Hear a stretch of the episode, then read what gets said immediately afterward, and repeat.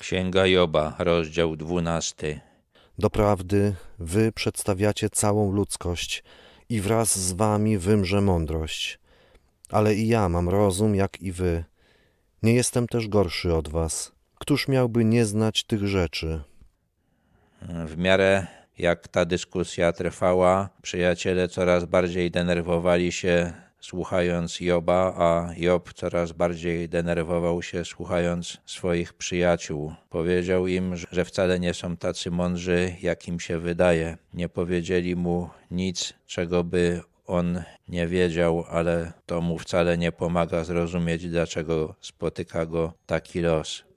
Dla własnego przyjaciela stałem się pośmiewiskiem. Ja, który wzywając Boga byłem wysłuchany. Pośmiewiskiem, ja, sprawiedliwy, nienaganny. Nieszczęście zasługuje na pogardę, tak myśli szczęśliwy. A na cios zasługują ci, których noga już się chwieje.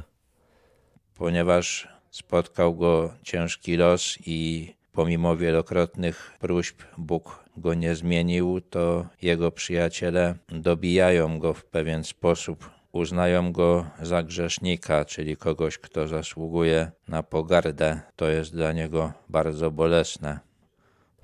Spokojne są namioty łupieżców. Bezpiecznie żyją ci, co drażnią Boga, którzy Boga umieścili w swojej pięści. Job pokazał swoim przyjaciołom, że wcale nie zawsze jest tak, jak oni mu mówili. Wcale nie zawsze jest tak, że ten, kto grzeszy, od razu dostaje odpłatę. Pokazuje, że są łupieżcy, którzy umieścili Boga w swojej pięści, czyli uważają, że zawsze sobie sami poradzą i każdego zmuszą do posłuszeństwa swej woli, a Bóg toleruje ich, żyją pomyślnie. Naprawdę, pytaj bydła, a nauczy cię, i ptactwa niebieskiego, a powie ci, albo zwierząt polnych, one pouczą cię, i ryb morskich, a one opowiedzą ci. Kto spośród nich wszystkich nie wie, że dokonała tego ręka Pana? W Jego ręku jest życie wszelkiego stworzenia i duch wszystkich ludzi. Job patrzył na to, co go otacza i wiedział, że musiał być bardzo mądry i bardzo potężny twórca, który powołał to wszystko do istnienia i który nad wszystkim panuje. Czy ucho nie ma badać słów, tak jak podniebienie próbuje smaku? U sędziwych jest mądrość, a w długim życiu nabywa się roztropności. To zdanie u sędziwych jest mądrość, a w długim życiu nabywa się roztropności. To jest prawdopodobnie zdanie pytające, czy tylko przez długie życie można nabywać mądrości, czy tak jak ucho bada słowa, podniebienie smak, tak człowiek, który rozważa to wszystko, co doświadcza, nie może nabyć mądrości przed osiągnięciem sędziwego wieku. Tutaj Job pewnie myślał o sobie. Ale u niego jest mądrość i moc, u niego rada i roztropność. Ta mądrość ludzka nie może się równać z mądrością Boga. Job to wie i nie zapomina o tym nawet na moment. Gdy on zburzy, nikt nie może odbudować. Gdy on zamknie, nikt nie może otworzyć. Gdy on zatrzyma wody, nastaje posłucha. Gdy je wypuści, niszczą ziemię.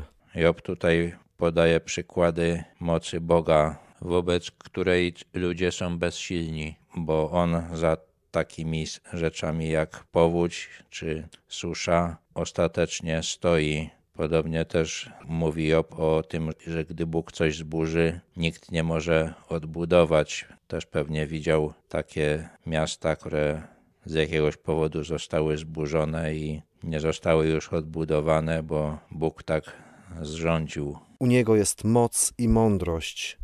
Jego jest ten, który błądzi i ten, który na manowce sprowadza.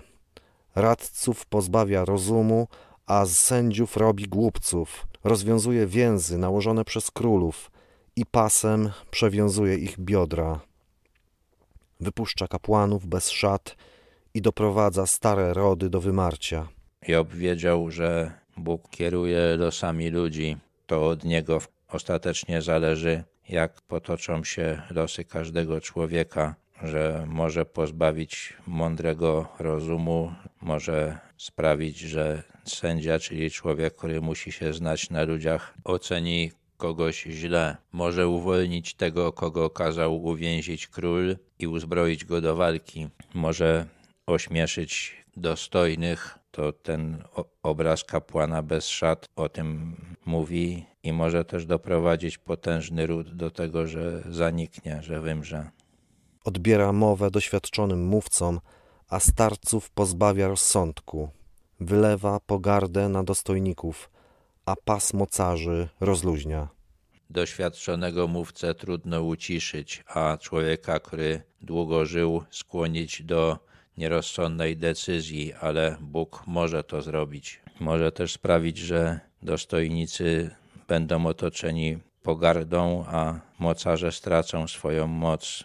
Odsłania tajemnice zmroków, a w mroki śmierci wnosi światło. Bóg zna wszystkie tajemnice i Job nie ma wątpliwości, że także do krainy umarłych sięga jego moc. Wywyższa narody, a potem przywodzi je do zguby, rozprzestrzenia narody, a potem je uprowadza.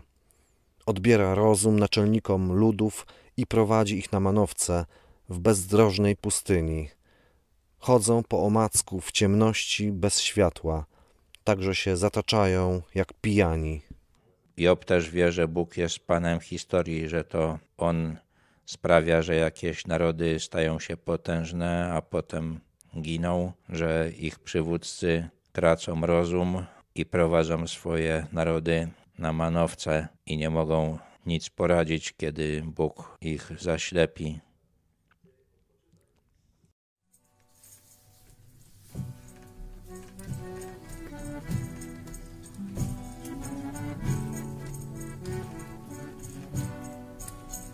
Szukać szczęścia, szukać celu życia chciałem, gdy na drodze mej stanąłeś, Panie mój. Co się wtedy ze mną stało, nie wiedziałem. Jedno wiem, żeś Ty mnie zbawił, Jan jest Twój. Chwała, cześć, chwała, cześć, Aleluja, śpiewa serce me.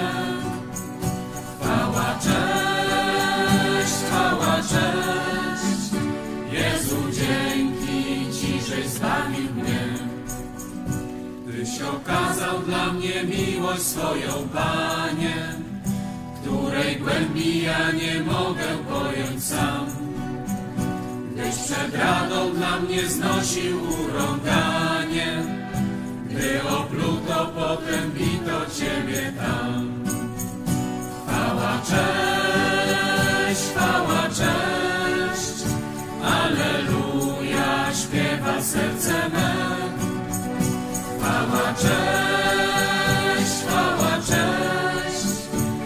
Jezu, dzięki Ci, żeś zbawił mnie. Służyć Tobie pragnę dzisiaj całym sercem, pragnę, Panie, zostać jednym z Twoich sług. Naucz, Panie, Twego słowa, naucz więcej, abym zawsze Twoją wolę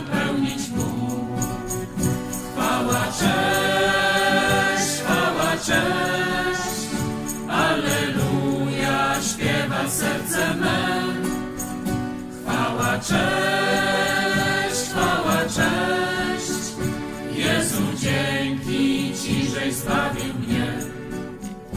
Chwała Tobie, Panie, żeś obiecał wrócić, aby zabrać mnie z Kościołem świętym Twym. Wtedy będę z aniołami mógł zanucić.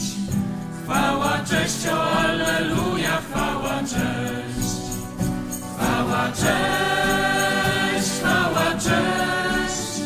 Alleluja, śpiewa serce me. Chwała, cześć.